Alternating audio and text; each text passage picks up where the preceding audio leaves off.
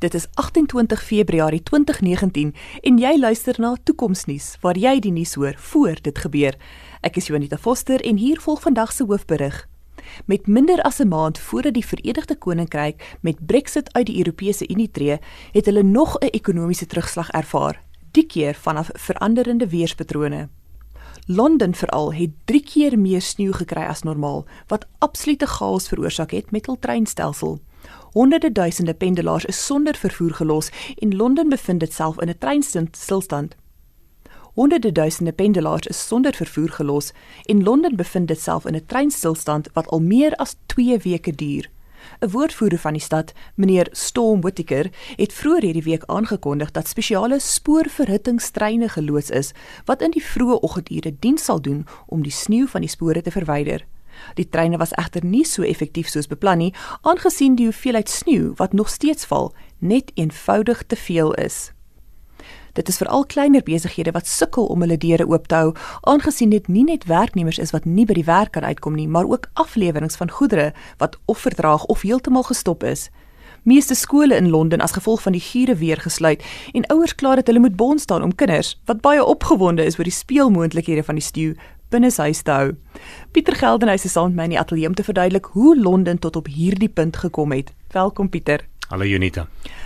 Pieter, Londen is hoër noord as stede wat meer gereeld kwaai sneeu kry, soos byvoorbeeld Boston en Parys. Hoekom is die stad van Londen dan nie gerad vir sneeu nie?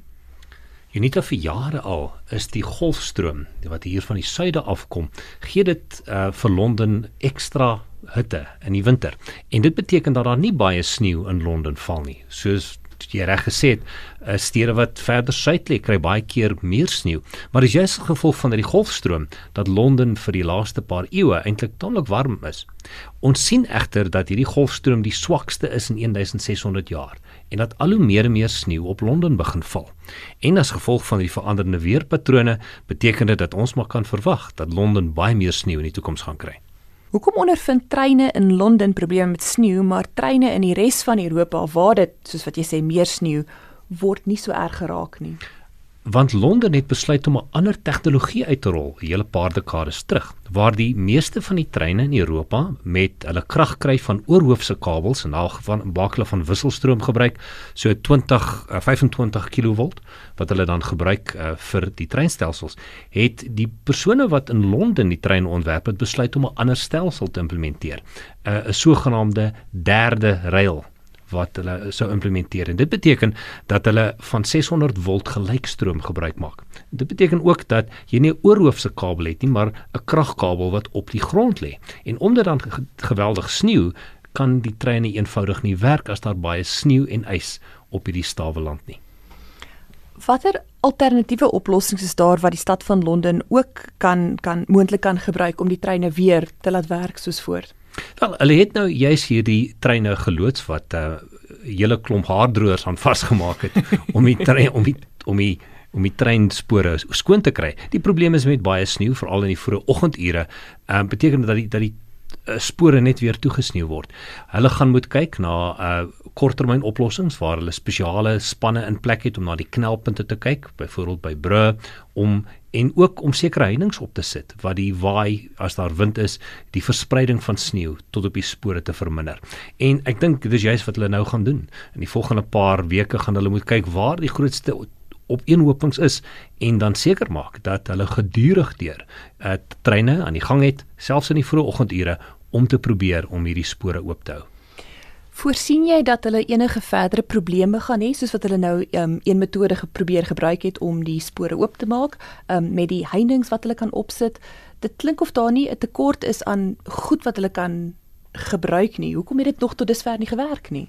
Ek dink die groot probleem is is dat hulle 'n hele paar honderd jaar of 'n paar dekades terug die verkeerde tegnologie geïmplementeer het. Ehm um, daar's al die oplossings is tans net kortstondige oplossings. Uh vir Londen om heeltemal hulle treinstelsel te verander sodat dit soortgelyk is aan Europa, dit gaan nie maklik gebeur nie. Dit gaan hulle letterlik dekades neem om die standaard en tegnologie te verander. En daarom gaan hulle nie 'n ander keuse hê as om na korttermyn oplossings te kyk om die bottelnekke wat hulle wel kry so vinnig as moontlik op te los nie. Hoe kan ander stadsbestuurders verhoed dat toekomstige omgewingsveranderinge en tegnologieontwikkelinge hulle onkant vang soos dit nou met Londen gebeur het? Is dit enigstens moontlik om met redelike sekerheid te kan voorspel wat 'n dekade of 'n eeu vooruit gaan gebeur? As ons kyk na die besluit van Londen om hierdie spesiale treinstelsel in te bring wat vir hulle so baie probleme in die sneeustorm gee, sien ons dat 5-6 dekades terug het mense nie eintlik verwag dat die klimaat van die aarde dramaties gaan verander nie. En daarom 'n sekere standaarde op besluit met die idee dat die realiteit wat hulle tans ervaar in die toekoms ingeprojekteer gaan word. Ons besef nou egter dat ons voor 'n geweldige verandering in klimaat staan en daarom het ons die ekstra insig wat gaan beteken dat as ons sekere langtermynbesluite moet neem rondom tegnologie standaarde, ons dan dan wel na aardverwarming moet gaan kyk as 'n realiteit en daarom ons standaarde baie baie uh, versigtig gaan moet kies.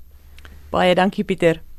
Die ekonom Elizabeth Pound het gesê dat die effek van hierdie sneeustorm op Brexit eers duidelik sal word wanneer die weer uiteindelik verbeter.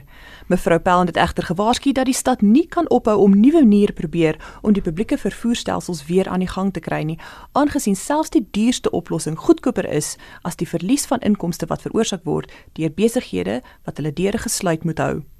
Dit was Pieter Geldenhuys en Jonita Foster vir Toekomsnuus waar ons die moontlikhede van die toekoms ondersoek.